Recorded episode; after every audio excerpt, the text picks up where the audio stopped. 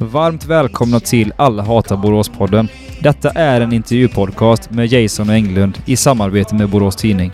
Denna podden går ut på att vi kommer varje onsdag under tio veckor att intervjua en intressant person som har med Borås att göra. Dags för det sista tionde avsnittet. Rulla jingeln.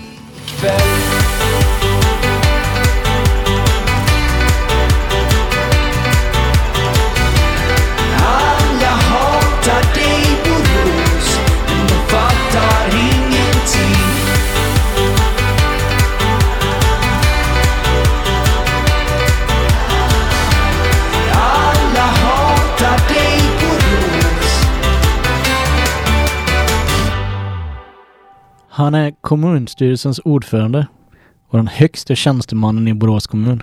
Kommunfullmäktige redan som 20-åring och kommunalråd som 23-åring. Varmt välkommen Ulf Olsson till Alla hatar Borås-podden. Vi kör en liten applåd tycker jag. Alltid. tackar, tackar. Och vi tar eh, och startar igång här nu podden direkt med lite snabbfrågor. Ålder? Jag är 46. Familj. Ja. ja jag, brukar, jag brukar faktiskt säga bara ja på den frågan. Jag har familj ska jag säga. Men, men för min del när man är så offentlig person så vill jag gärna hålla det privat. Det är Mm. inga konstigheter i och för sig ska jag säga. Men, men eh, eh, så här, med min, mitt barn och min fru så här, de, de ska inte välja att eh, vara offentliga om de inte själva vill det. Så jag brukar ofta bara svara ja faktiskt. Nu, nu sa jag att jag hade fru och barn så ni får lite mer information än vad jag brukar ha. Nästa fråga kanske du också svarar ja på då. Lön? Ja, den är ju offentlig. Det är ju det som är fördelen med allting. Man kan ju bara gå in och kolla när man vill på allting i Ja. kommunen så att den är offentlig. Men jag har inte den exakt i huvudet ska jag säga så att jag vet. Men den är bra. Eh, Ja, den, är- den, är, den är högre än genomsnittet där. Ja. Vi, vi pratade ju lite innan här jag tyckte det var roligt och då, då sa du till mig, ja kan vi hålla det här på en timme? Och, och då kände jag, och jag vet jag frågade dig på vägen in, är det som och det här jobbet du har, är det som en amerikansk börs att man har 20 minuter där och, och det är full kalender? Eller hur ser, hur ser dagarna ut här egentligen? Ja, så är det faktiskt väldigt mycket. Man, man har en väldigt tajt kalender hela tiden. Så det är en kamp med tiden att få in. Nu har jag på med det. Nu har jag faktiskt lovat till nästa möte. Då ska jag vara på plats utanför stadshuset 12 minuter i fem. För att hinna upp till möte på Hässlholmen klockan fem. Det är nästa möte. För sen låses dörrarna på det mötet så då kommer jag inte in längre. så att eh, ofta är det så här väldigt tajt med, med dagarna. Och Inget möte får dra ut mer än på den tiden som är utsatt. För då, då spräcker schemat. Vad sa du? 12.05? Eller Vad sa du? 12 minuter i fem. Ja, Så- då, då är vi klara med snabbfrågorna bara så. då har vi- då har vi kommit en liten bit i alla fall på podden. Ja, nej, men, men det måste ju vara ett spännande liv så också. Har du alltid velat ha den typen av, av jobb? Ja, alltså att jag, blev, att jag blev politiker, det var nog lite grann utav en slump i och för sig, även om jag var politiskt engagerad, för det, det började jag mm, engagera mig när jag gick i gymnasiet. Men, men att det blev så kommunalråd, det var inte riktigt planerat så, utan det var mer en slump. Om du ska laga en riktig gourmetmiddag till din fru, vad lagar du då? Oj, ja. Alltså jag gillar egentligen att laga mat ska jag säga, men det är inte så ofta man har tid till det. Men har man gott om tid så, så tycker jag det är spännande. Då lagar jag gärna något italienskt och något, någonting eh, med pasta och eh, gärna lite vin i och sådär. Så att det, mm. Det, det tycker vi om också. Vi saknar en italiensk restaurang lite så i Borås, gör vi inte det? Ja, jo men det tycker jag. Det skulle kunna vara ett lite bredare utbud av restauranger. Vi, vi har ju väldigt, jag tror vi har någon sån här 36 stycken thailändska restauranger om man tar hela kommunen. Något åt hållet i alla fall, men väldigt få eh, med annan inriktning. Så det skulle behöva ett bredare utbud. Eh, om du har en riktigt jobbig dag och ska sätta på en låt som får dig att må bättre. Vilken låt sätter du på då? Oj, eh, ja, alltså jag, jag brukar vara sån att jag sätter på mig hörlurarna och surfar runt helt enkelt bara och Mm. ser vad jag hittar. Så att det är ingen bestämd låt utan det blir lite grann vad som dyker upp. Ingen artist eller band som du älskar? Nej, inte, inte så. Eh, Rammstein ibland kan jag, om jag liksom vill ha något som man avreagerar sig på. Rammstein. Ja. Skönt. Var otippad, men jag gillar det. Ja, det gillar jag med. Du hast.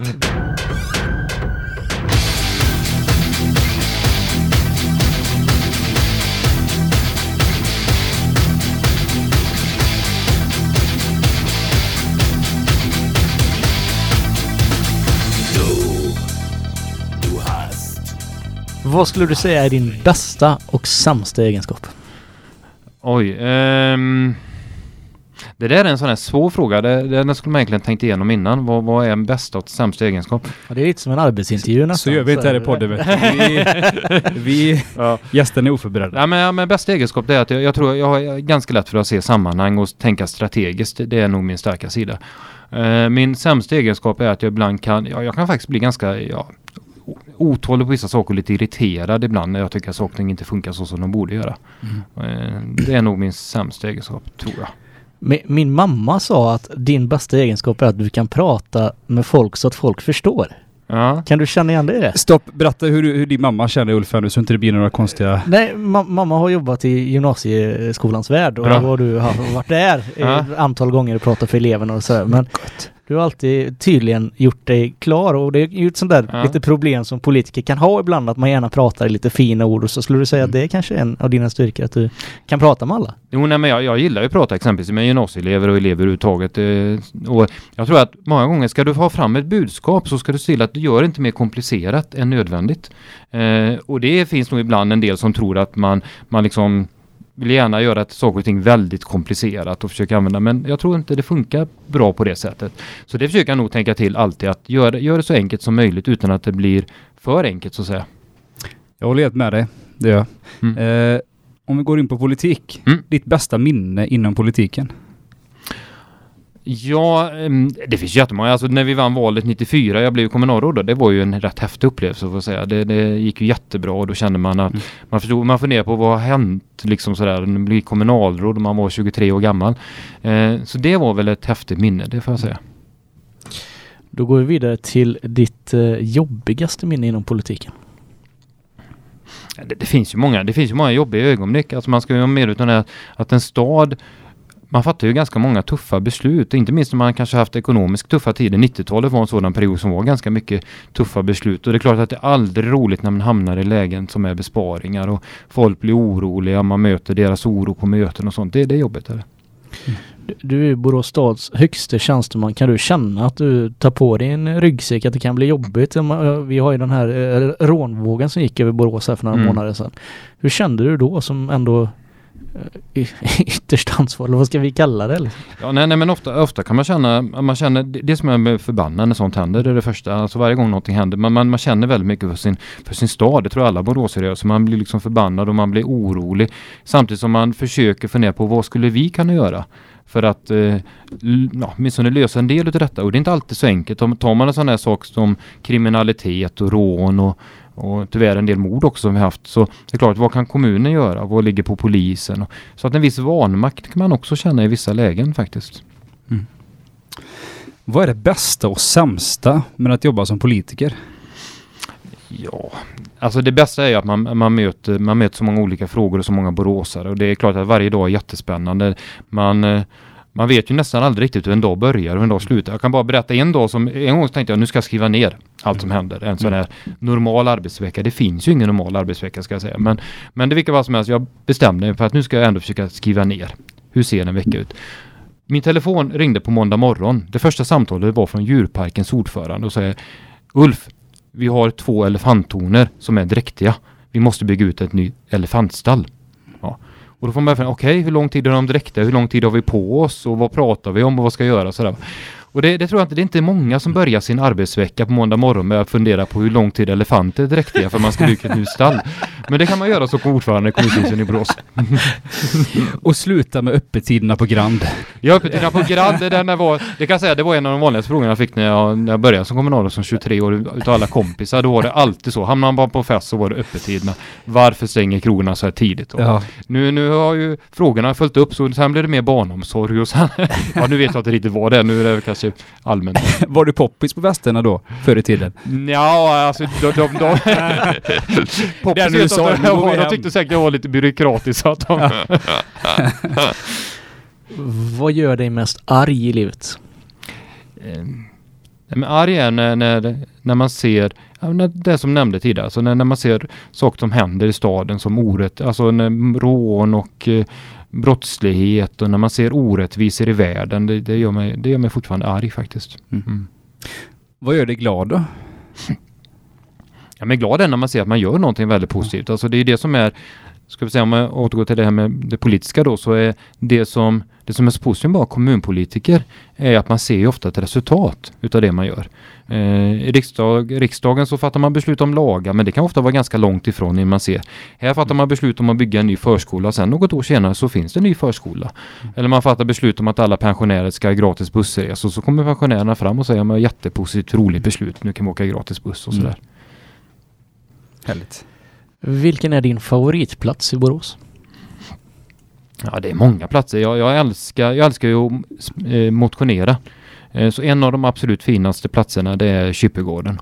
Mm. Eh, att komma dit exempelvis nu som när snön har fallit och den ligger tungt över träden och så motionera och sedan bada bastu och sedan ta en liten, ett litet vinterbad. Det är fantastiskt. Nu hinner jag tyvärr inte med det speciellt ofta längre för det är så mycket men, men det är nog en av de finaste ställena.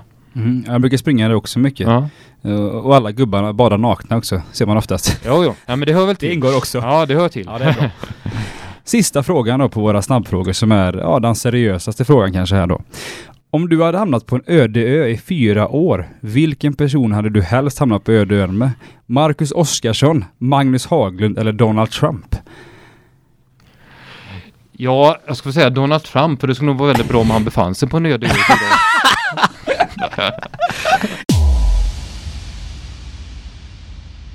Ja, Ulf. ehm, vi vill veta lite mer om dig. Så Ja. börja berätta lite om dina tidiga år. Du är uppväxt i Borås. Ja, jag är född i Hedared, eh, så att i mitt pass står det Sandhults kommun eh, fortfarande. För det var ju en egen kommun på den tiden. Men jag flyttade därifrån när jag var tre år, så det är inte så många mega minnen man har från den tiden. Och sen har jag bott på Kristineberg ända eh, till vuxen ålder och sen flyttat på lite olika ställen runt om i Borås. Vad var skillnaden att växa upp i Borås då och, nu? Jag skulle säga att Borås är en mycket roligare stad nu. Det, det är ju så. När, men när jag växte upp eh, och gick på gymnasiet i slutet på 80-talet så var ju, ville ju de allra flesta flytta från Borås. Eh, och det upplever jag inte att man får. Jag möter ju många gånger gymnasieelever. Det ser inte riktigt samma ut på samma sätt utan jag tror man tycker Borås är en ganska trevlig stad. Det är rätt roligt faktiskt för att när jag och Adam pratade om att göra det här så var det Ja. precis det du beskriver nu som vi Ja. sa, det här måste vi ju få bort. För det var ju när, vi, när jag gick gymnasiet då, när jag var tio år äldre, så då skulle ju alla flytta till Stockholm. Mm. Och sen tio år senare så kom ju alla tillbaka. Ja, ja. Ja, men det var samma när jag eh, var uppväxt också. Ja. Och jag är ändå tio år yngre. Så det har hänt mycket senaste åren alltså. ja och det, det roliga är, tycker jag när man möter folk som kommer tillbaka till Borås och säger åh vilken häftig stad det har blivit och mycket som har hänt. Och jag tror att det, det är många saker som spelar in där men, men det, det är en annorlunda stad där. Mm. Men en, en eh, trygg uppväxt i, i Borås eh, och ja, vi kan väl egentligen eh, spola fram då till, till du började engagera dig i, politiskt och det var så sent som gymnasiet sa du? Ja, jag gick med tror jag i högstadiet men, men jag aktiverade mig inte för, på allvar för det var egentligen valet 1988 som alltid, många går ju med i samband med val för att då ökar ju intresset och man ser liksom valrörelsen och sånt så att det, då gick jag med på allvar. Visste du tidigt att du ville bli politiker när du väl hade börjat engagera dig i, i det här? Nej, alltså det hade jag nog aldrig egentligen tänkt mig. Jag, jag visste att jag ville vara politiskt aktiv men inte att jag skulle ha det på heltid som jag haft nu som kommunalråd utan då var nog tanken att man skulle göra något helt annat och sen kunna vara lite politiskt aktiv. Eh, men sen blev det lite grann en slump på lite olika omständigheter så blev jag kommunalråd efter valet 1994. Den här slumpen får du gärna berätta lite om. Vad, hur kom det sig? Nej, alltså det, det var så här att jag var aktiv i SSU och ungdomsförbundet för Socialdemokraterna och vi drev en kampanj om att vi ville ha in fler yngre i politiken och jag var ordförande. Eh, och det, vi, vi försökte verkligen driva detta. Sen fick jag en fråga om någon som ville nominera mig som kommunalråd. Eh, och då sa jag nej, nej det vill jag inte. Och då var det en del kamrater i SSU som skällde på mig faktiskt och sa men herregud du kan ju inte driva en kampanj i SSUs namn för att föryngra och så när någon frågar dig så säger du nej. Det, det håller liksom inte, det blir inte trovärdigt. Så då tackade jag till den nomineringen men jag hade inte en tanke på att jag överhuvudtaget skulle kunna bli vald. Och sen hade vi medlemsmöte och omröstning och då blev jag vald till kandidat och sen gick ju valet jättebra 1994. Så det var en del olika omständigheter som jag inte hade tänkt mig från början som gjorde att man blev kommunalråd. Och det var exakt samma system på den tiden att man var ett, på en plats och så fick man bli kryssad eller? Ja, det var nog, det såg nog lite, 1994 tror jag inte vi hade personval på det sättet, men, men det var ju så att man, då valde vi, ska säga, kandidater innan, vilka, om vi vinner valet så kommer de här personerna vara våra kommunalråd. Och då hade vi tre kandidater, jag var en av de tre, och sen gick det väldigt bra i valet så vi fick också tre kommunalråd i valet.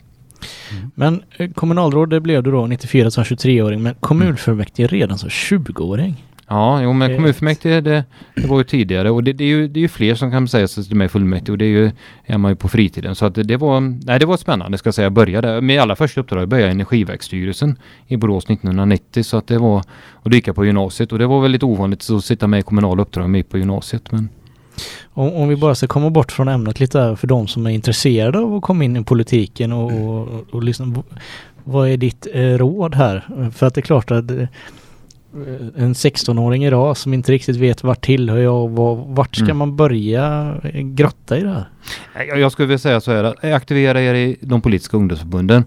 Och när ni funderar på vilket ungdomsförbund ni ska aktivera er i så ska jag säga följ, följ hjärtat. Det man känner. Jag tror att de allra flesta har lite hum om vad de politiska partierna står på. Och följ det. Sen kommer ni inte att ställa upp på allt som ett politiskt parti eller ungdomsförbund tycker. Men det viktigaste är att ni känner att här hör mitt hjärta hemma. Så tror jag man ska välja. De som sätter sig ner och läser igenom alla program och försöker bocka av att här och här tycker jag så, här tycker jag inte så. Det tror jag inte är rätt sätt utan följ hjärtat.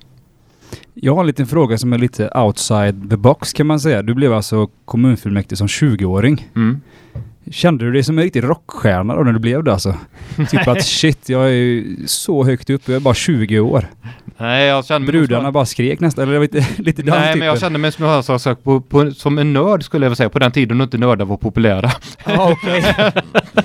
Ingen rockstjärna då? Så det- Ingen rockstjärna, nej. det men alltså, jag har ju alltid haft det. Jag, jag spelade schack, var ju liksom min, min stora grej och det var ju lite nördigt och Ja. sen började man engagera sig i politik så jag kände mig nog mer som en, som en, som en nörd. Ja, men nördarna vinner alltid. Ja, Så nu det. kanske, men jag vet inte om man vann på den tiden, då var det nog inte. Ja, det är gott. Eh, du har varit ordförande sedan 2010. Mm.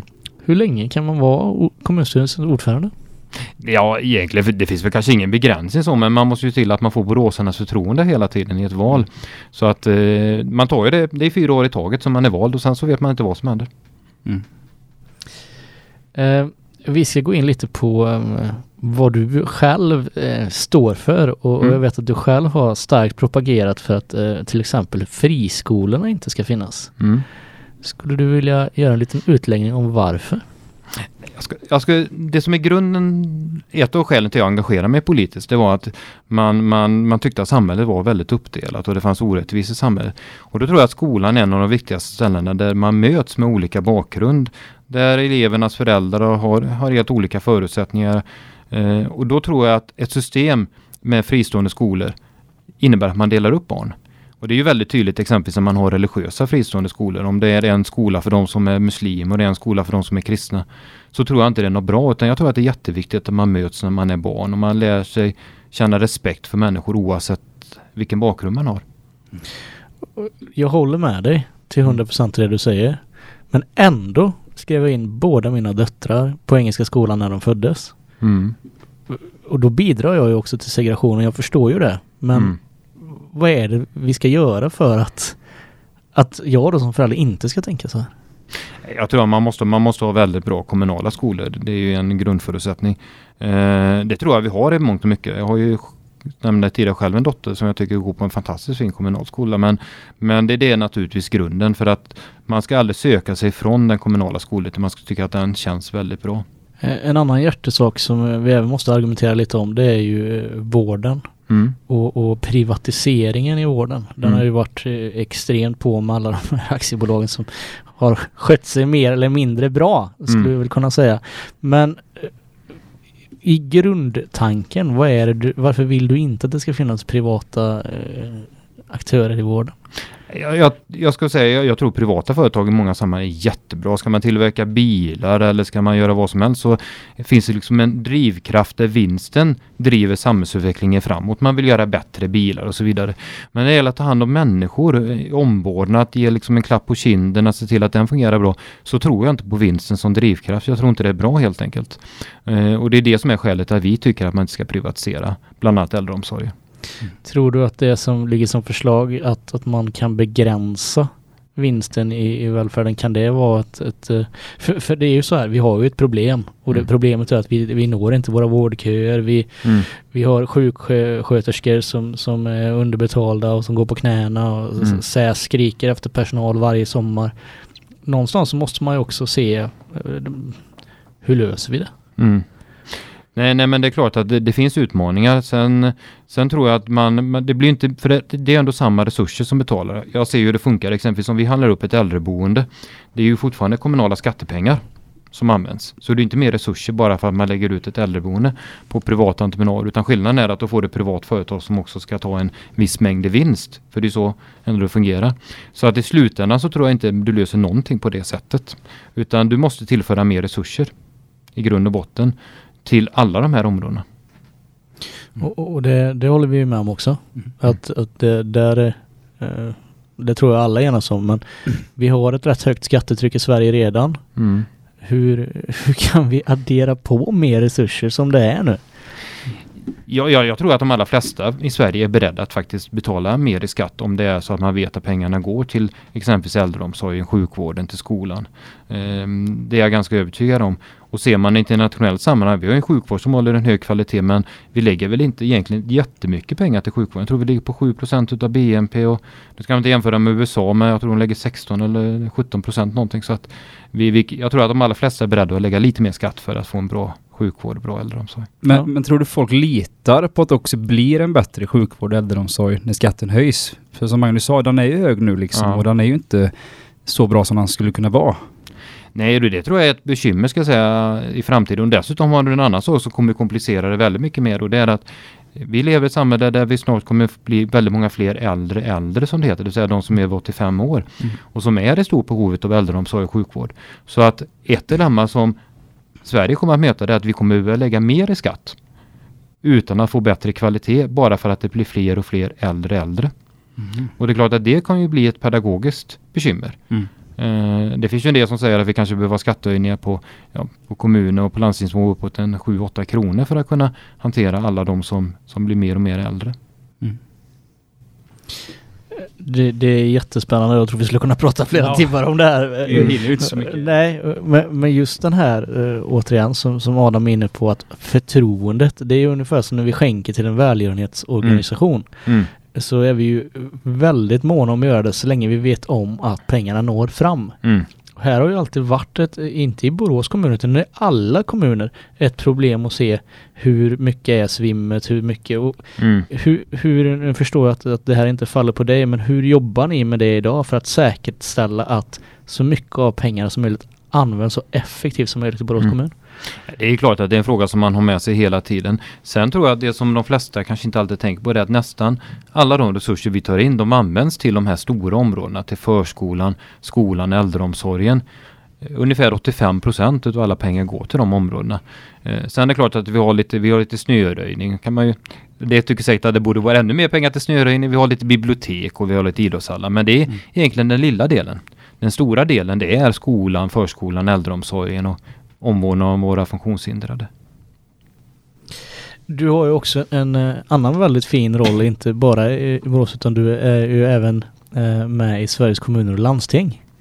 Och det här känns väl som en, det är ju en rätt fräck eh, roll du har fått där, eller vad, hur, säger man? Ja, en del skulle kalla det. Jag är ordförande för förhandlingsdelegationen så att vi hanterar ju alla avtalsrörelser kring lönerna för kommun och landsting och det är en del kallar vi det som ett självmordsuppdrag. Ja, men det är lite mer rockstjärna i alla fall. ja, ja, kanske, jag vet inte. Det, det, det, det är ett tufft uppdrag ska Ja, jag säga i alla fall. Det, det är det. det. För det, att om det finns någonting som alla naturligtvis har uppfattning om så är det sin lön. Mm. Såklart. Mm. Men i, i, och med det här så fick du också chansen att deltaga på EU-toppmötet i Göteborg här. Ja, ja. Berätta lite om hur det var att glida runt där bland maktens korridorer. Nej, det är klart att det var väldigt eh, spännande och lite annorlunda att eh, stå och ta en kopp kaffe och en bulle och sen vända sig om och så plötsligt står Macron intill en. Så det är klart att det är en lite speciell upplevelse att vara med i de sammanhangen. Så att eh, nej, det var, det var spännande. Vad sa du då när du vände dig om? Nej, jag, fick inte sagt något till Macron. Det är lite Nice- läge där man frågar nice efter selfie eller någonting. ja, jag förstår det. Mäktigt. Det här var en bra fråga om en selfie. Ja, precis. hade jag gjort.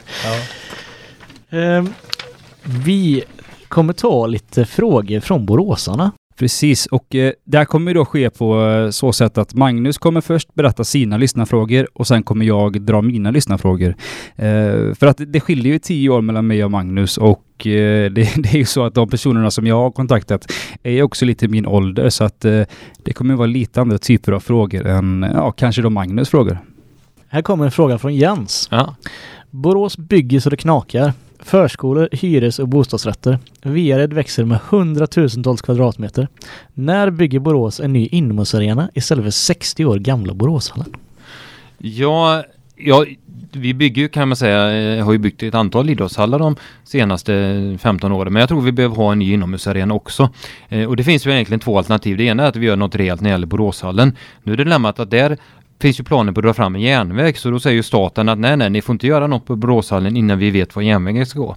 Och den andra planen är ju att man kan fundera, ska man göra någonting borta vid Borås Arena exempelvis som ny inomhushall? Så att någonting kommer att ske men det, det, det, det är mycket diskussioner just nu och just när det gäller Boråshallen så låser järnvägen lite grann utav de frågorna. Mm. Så att det, Och, och just nu när vi glider in på järnvägen här, det har varit väldigt mycket fram och tillbaka och, och alla i Borås är väl rätt ö- överens om att det här hade gynnat Borås Mm. väldigt mycket med tanke på eh, hur många som pendlar till Göteborg, jag gör det själv och, och, och sådär. Eh, hur gärna vill Borås ha en, en eh, expressjärnväg? Jättegärna skulle jag vilja säga. Vi är ju, Borås-Göteborg det är ju det tredje största pendlingsområdet i Sverige. Och tittar man på hela stråket så är det ju ungefär 11 miljoner resor varje år. Och ni vet ju själva det ser ut med linje 100 med dubbeldäckarbussar som går i vissa lägen till och med var 50 minut. Så det är klart att det skulle vara jättebra att kunna nå Göteborg med en snabb järnväg på 35 minuter. Eh, så vi vill väldigt, väldigt gärna ha en ny järnväg. Nästa fråga är från Josefin som undrar varför är det så mycket tabu att prata om politik i sociala sammanhang? Ja, jag vet faktiskt inte. Jag, jag tror på sätt och vis att många, många pratar politik men man tänker inte på att det är politik. För att det mesta som hanterar samhällsfrågor är ju något slags mening politik. Men det kanske är lite mer tabu att säga att jag är socialdemokrat eller jag är centerpartist eller sådär. Det, det kanske man håller inne med. Men jag tror att man i grund och botten faktiskt, om man tänker efter, pratar mycket politik.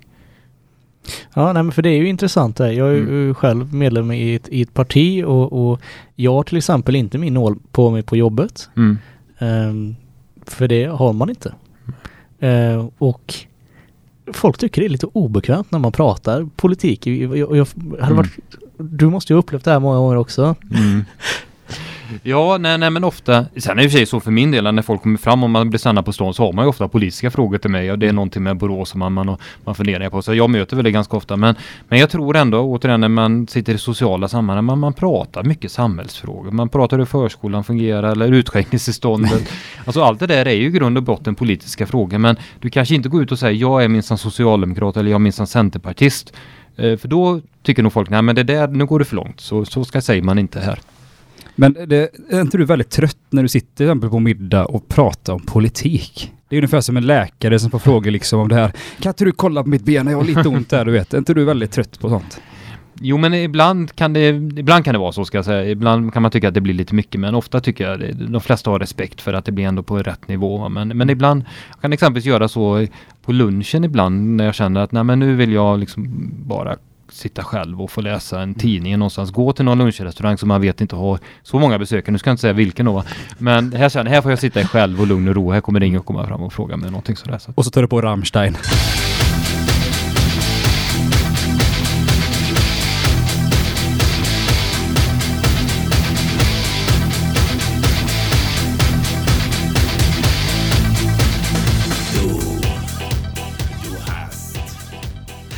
Magnus undrar Socialdemokraterna föreslår 10 000 nya polisanställda fram till 2024. Är det rimligt att tro att det kan hända?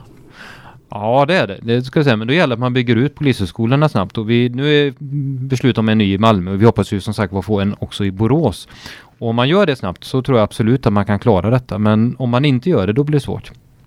Och då kommer ju följdfrågan. Det står ju tomma platser på polishögskolan idag. Mm. Har de ett, ett internt problem när det gäller att faktiskt kompetensbeskriva vad polisen ska göra? För att det, det, det rimmar ju inte att det står tomma platser på en polisutbildning eh, när du säger att den ska byggas ut. Nej, och det som är lite speciella just med polisutbildningen till skillnad från många andra utbildningar är att det finns jättemånga sökande. Men det är många som inte kommer in. För att man har de här testerna. Och det är ju en sak som har diskuterats och också tror jag ganska nyligen kommer fram ett nytt förslag från regeringen. Det är verkligen rimligt att, jag tror i något fall upp mot 90 procent av alla de sökande inte antas sedan. Ska man ha riktigt så tuffa krav? Det är klart att man ska ha tuffa krav för polis men det är rimligt att 90 procent försvinner. Så det tror jag man måste se över. Mm. Ja, nej, men så är det. För att det, kolla, tar man USA till exempel. Då är det en veckas. Så har man vapen i fickan. Ja. Ut med dig bara. Kanske inte det att föredra men... Ehm, vi har en fråga från Johan. eh, som frågar, du har uttalat dig att vi måste arbeta stenhårt för att förbättra situationen i våra utsatta stadsdelar Mm. där många upplever otrygghet. Hur operativ är du i detta arbete? Ja, alltså vi, mycket av det arbetet det ligger ju ändå på polisen, det kommer man inte ifrån. För, och det tycker jag polisen gör ett bra jobb nu i Borås. Man, man försöker vara väldigt närvarande på stadsdelarna. Eh, och säga, få ett förtroende, att de boende får ett förtroende för polisen. Men sen kan man göra mycket även från kommunens sida. Inte minst att göra satsningar liksom på förskolan och skolan och fritidsgårdar, skapa trygga miljöer. Men också sådana enkla saker som ibland upplevs som väldigt otrygga, att inte belysningen funkar på ett bra sätt och gå igenom det. Så att vi gör en hel del arbete på de delarna. Men mycket ligger naturligtvis på polisen, så, så är det. Mm. Mm. Intressant. Eh, nu kommer mina frågor här då. Ja. Eller inte mina, utan det är de som jag har samlat in här då. Nummer ett här då. Hejsan Ulf.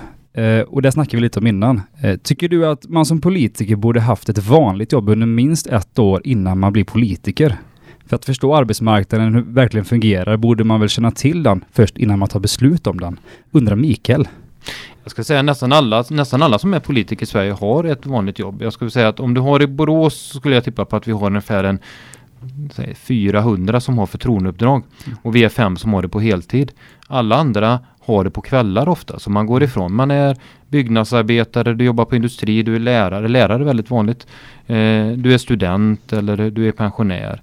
Eh, så att så ser de flesta politikerna ut faktiskt i Sverige. Tjena Ulf! Jag undrar vad du tycker om statyn Pinocchio? Kunde man inte gjort någon mer Borås-relaterad staty? Typ en knalle som går eller en 10 meter hög Anders Svensson i guld? Ja, det sista vore i sig spännande. Nej men alltså Pino- jag tycker Pinocchio är jättehäftig och jag tror att den gillas av boråsarna. Sen är det lite speciellt om man tittar på alla de skulpturer som vi har i staden. Det är väldigt få faktiskt som har direkt koppling till, till Borås. De allra flesta skulpturerna är som Pinocchio eller ja, Katafalk eh, eller den här sovande studenten och så Mm. vidare. De, eh, det är inte självklara kopplingar till Borås men jag tror ändå att boråsarna tycker väldigt mycket om dem. Det var mycket debatten om den Pinocchio. Ja, Ja, men det, det känns som det är mycket eh, debatter om alla saker man ska sätta upp. I och sig. Jag tänker på det här, sitter ni på, på i kommunfullmäktige och tänker så här, gode gud vi kan inte göra det här för att det- blir ju ramaskri vad vi än gör. Ja, jo, men lite så kan man säga att man tänker i vissa delar. Man, vi brukar, jag tror man, vi tänker så här att vi vet ju om det att det är alltid mycket debatt innan. Och efter så blir nästan man alltid väldigt nöjd med det. Pinocchio var ett sånt exempel. Det var ju till och med demonstrationståg i Borås. Eh, och jag tror hundra insändare. Och efteråt så tror jag alla är nöjda med det. Västerlång, Västerlång, de flesta i alla fall. Västerlånggatan var ett annat sånt exempel. Det var jättemycket debatt om att eh, föra in den här lilla kanalen på Västerlånggatan. Det kommer nästa fråga nämligen. Ja, ja, ja, då tar vi det. Tommy undrar, hej Ulf, fanns det inte bättre saker att lägga pengar på än en bäck som rinner genom stan? Jag tycker den blev väldigt bra ska jag säga. Den, den det var en bra satsning. Eh, sen, sen är det alltid så här att när man talar om hur mycket pengar man satsar på någonting i kommunen, att det blir ofta väldigt stora summor. Men då ska man tänka på att vi är 110 000 boråsare. Och jag tror vi räknade ut att den här satsningen på Västerlånggatan, utslaget på boråsare, så tror jag det är en kostnad på eh, vad, 10 öre någonting per, per månad och sådär. Så det är inte, det är inte en jättestor eh, satsning men Ja, men det är 10 öre, folk vill ha sina 10 öre. Men, men visst är det väl också så att, att det blir mer påtagligt för någonting man kan förstå. Ja. Eh, folk, om, om, om ni lägger två miljarder extra på sjukvård, så det, folk kan inte ta på det på samma Mm. sätt. Då blir det här mycket mer påtagligt att nu kan jag bli lite arg för det här, när jag gillar inte den här bäcken. Nej men så är det, så är det. Och det tror jag det är väldigt, väldigt, eh, så, så är det nog. Men sen tror jag min erfarenhet att när man gör de här satsningarna så de allra flesta blir väldigt nöjda. Alltså den första satsningen vi gjorde en gång i tiden, det var ju Sandvalls plats. Eh, Som och- blev fantastiskt. som blev fantastiskt bra. Men debatten innan, det var att detta är idiotiskt. För vi måste ha in bilarna i centrala Borås för parkeringsplatserna är viktiga annars så kommer handeln att försvinna. Så det var jättekontroversiellt och många boråsare som var förbannade på att man stängde av biltrafiken. Nu tror jag alla tycker att det blir jättebra. Pinocchio nämnde vi innan som ett exempel. Eh, Västerlånggatan som ett annat exempel. Eh, och, det, och då är svar på den frågan innan. Vågar man göra, och då finns det nu ibland en liten så här fundering, hur många sådana här saker vågar man göra samtidigt? För gör man för många sa- saker samtidigt så får man jättemycket kritik. Så ibland känner man att ja men vi vet att det blir bra men det måste bli klart först. Sen går vi vidare med nästa sak. Jag tror nog framförallt att bröderna Ramazan är väldigt glada att ni byggde samma plats. Det går bra för dem. Mm. Men jag måste bara fråga en annan fråga bara om den här bäcken. Är det många eh, blinda som har hört av sig och varit förbannade?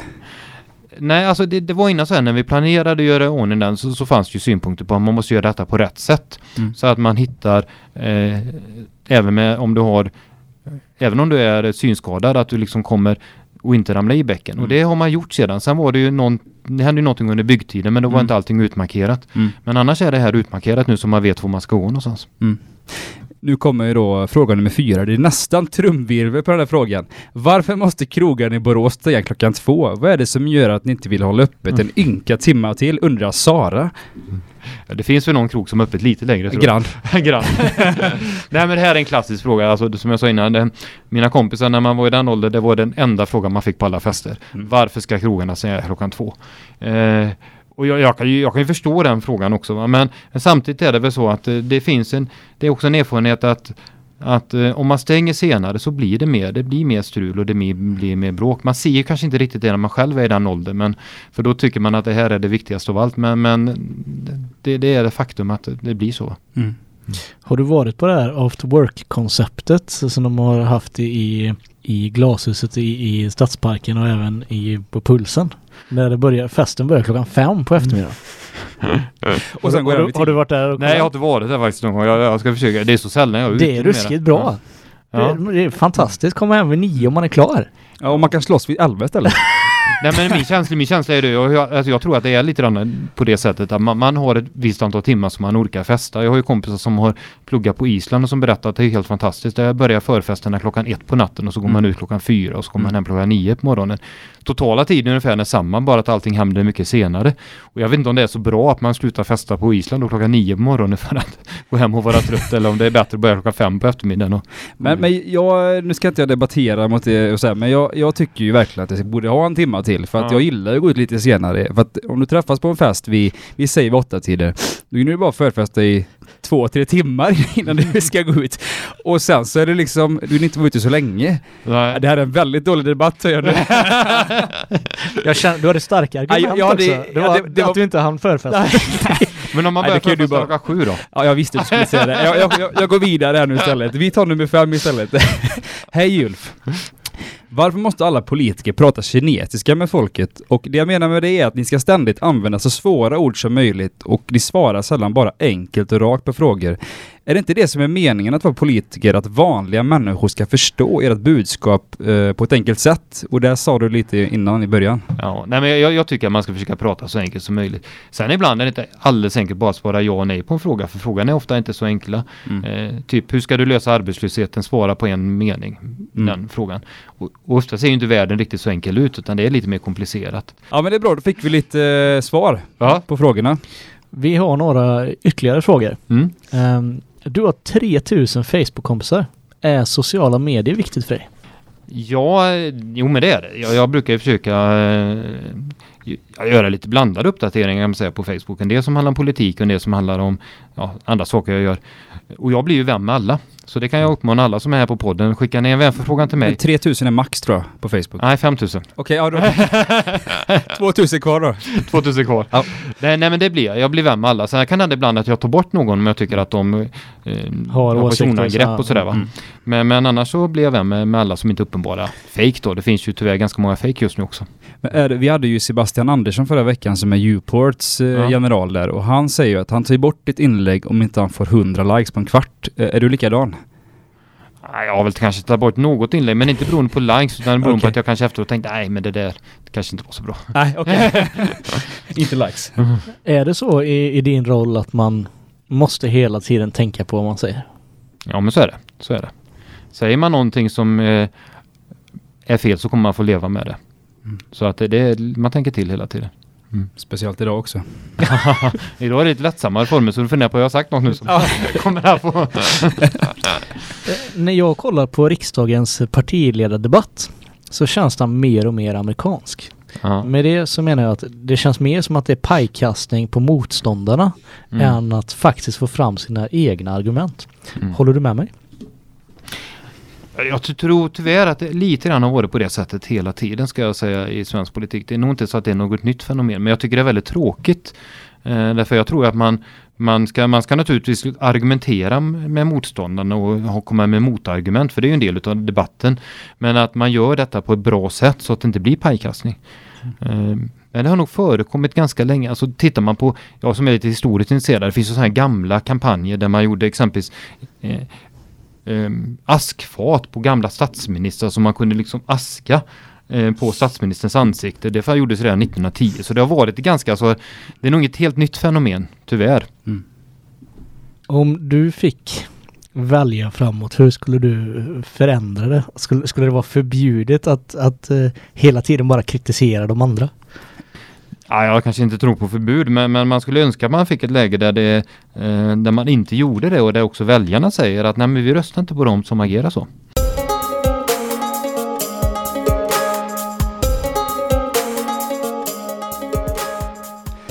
Eh, det här är ju det sista avsnittet utav Alla hatar Boråspodden och vi har ju haft ett segment här i podden som har varit stående och det är ju att jag skriver en låt till gästen. Eh, men denna veckan så Eftersom det är sista episoden så tänkte jag att vi ska avsluta med eh, introspåret till den här podden som är min låt Alla hatar dig Borås.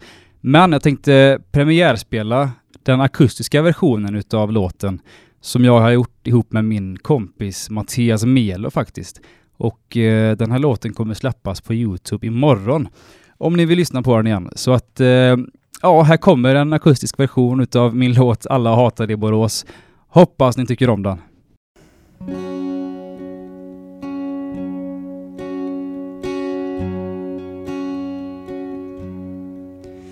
Spatserar genom hela stan.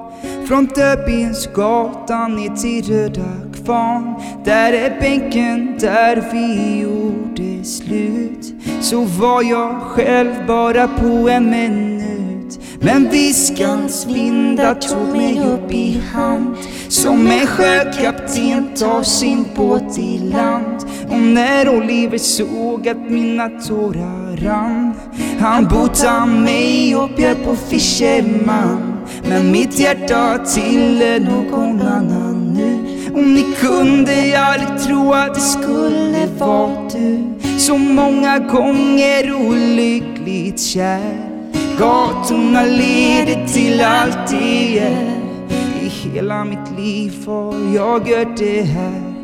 Jag hatar den här gråa stan och jag minns hur du sa en dag så ska jag dra till London eller Sydney. Men ändå ser jag dig dansa på XOI ikväll.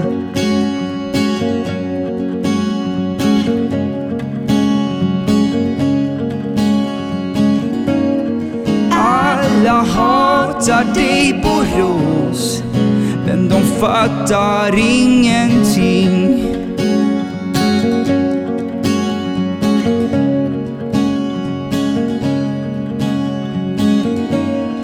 Alla hatar dig Borås och jag föddes nära Ryssby klint där drack vi och eldade med absint. Ja, vi var alla pyromanebarn Som trodde vi var coolast i hela stan.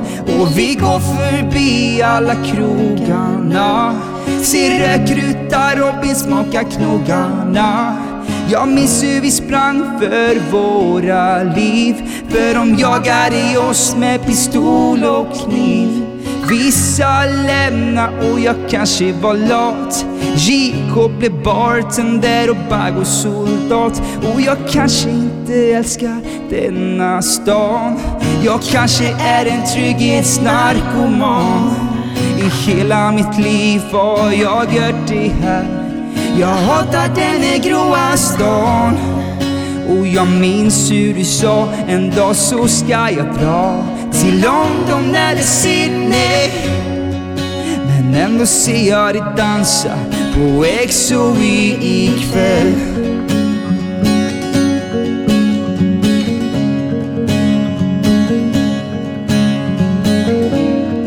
Alla hatar dig Borås Men de fattar ingenting.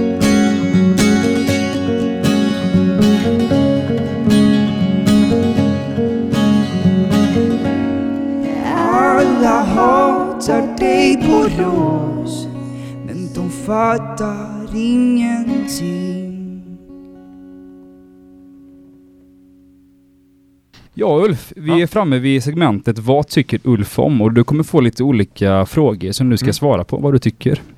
Vad tycker Ulf om IF Elfsborg? Jag gillar EF Elfsborg väldigt mycket, självklart.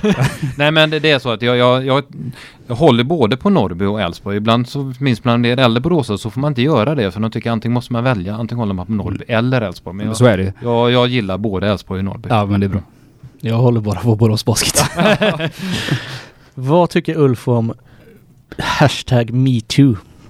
Jag tror att den är en jätteviktig kampanj därför att den sätter fokus på någonting som jag tror har förekommit under hur länge som helst och som inte har diskuterats. Så att eh, det var absolut nödvändigt att den frågan kom upp.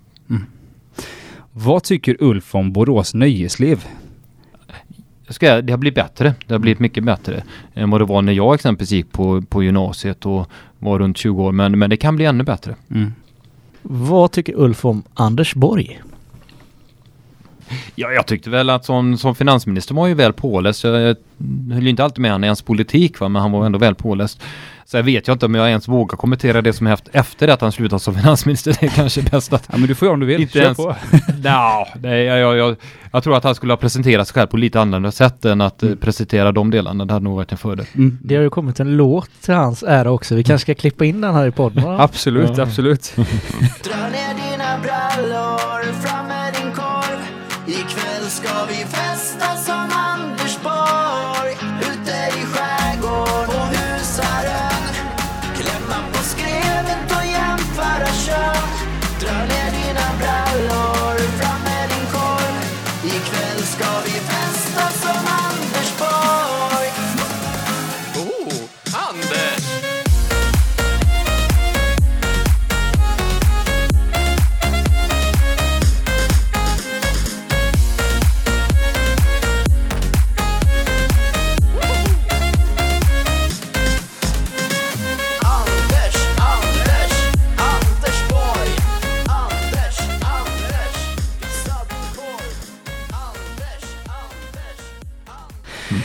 Vad tycker Ulf om Lars Ohly? Ja, eh, han var väl också, ska jag säga, en, en ganska så skicklig partiledare på, när han var ordförande för Vänsterpartiet. Nu har han väl också figurerat en del av den här metoo-kampanjen det Mm. senaste. Så att, eh, och jag vet inte riktigt hur, det är svårt att bedöma det men. Mm. Vad tycker Ulf om människor som enbart jobbar med sina sociala medier, typ gör reklam för någon dryck på Instagram och tjänar stora summor med pengar?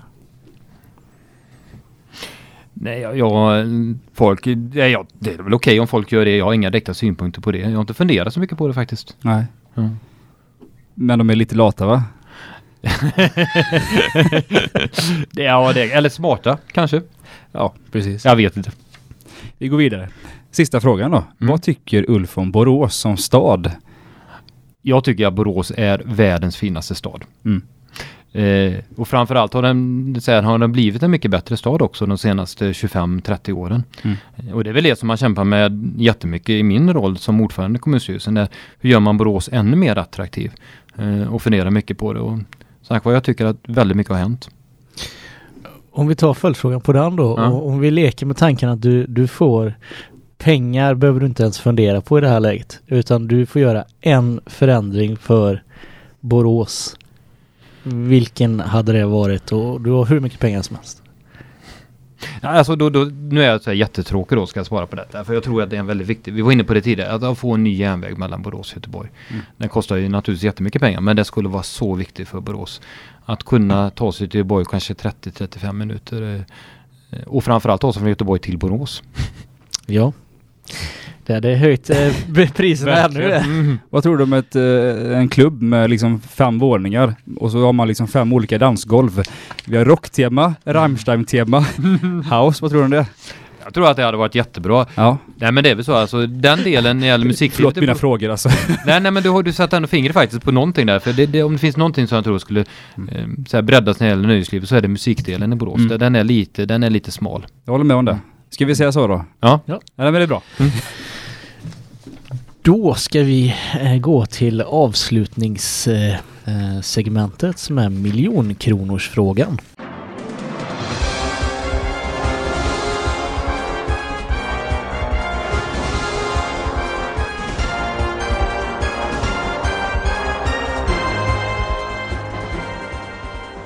Vi kommer alltså spela Vem vill bli miljonär? Och Ulf har tagit sig hela vägen upp till fråga 10 och inte bränt en enda livlina. Det betyder att han har kvar att ringa en vän. Och om du nu blir tvungen att ringa en vän, vem hade du ringt? Eh, om det är kunskapsfrågor så hade jag ringt eh, en vän som heter Peter Löb. Han är, sitter med i riksdagen. Han har koll på alla sådana här konstiga eh, kunskapsfrågor. Så att han, han brukar eh, kunna svara. Du har eh, fråga publiken. I det här fallet är det jag och Adam. Ja. Och du har också möjligheten till 50-50. Ja. Så Ulf, är du beredd på frågan? Ja. I vilket av dessa afrikanska länder ligger söder om ekvatorn? Är det A. Etiopien B. Nigeria C. Zambia eller D. Chad? Och som sagt, du har alla tre livlinor kvar. Zambia. Svaret är korrekt! Första gästen som svarar direkt också.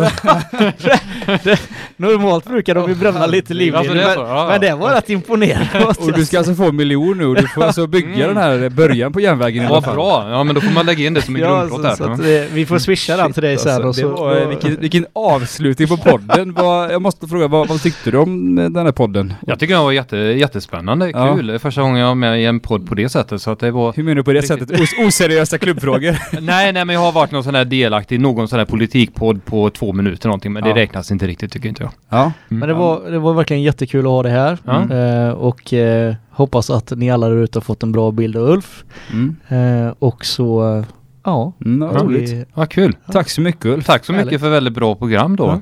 Ja. Hoppas jag att det blir. Det får jag ju lyssna på sen. Men... Ja, det får vi se.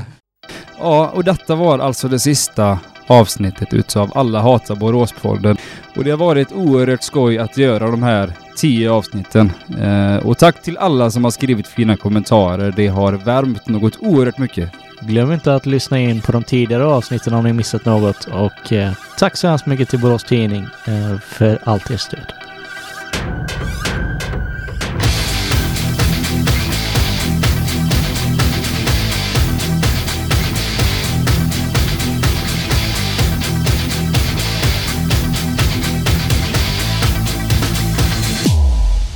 Och podden klipps utav Birgit Out Loud.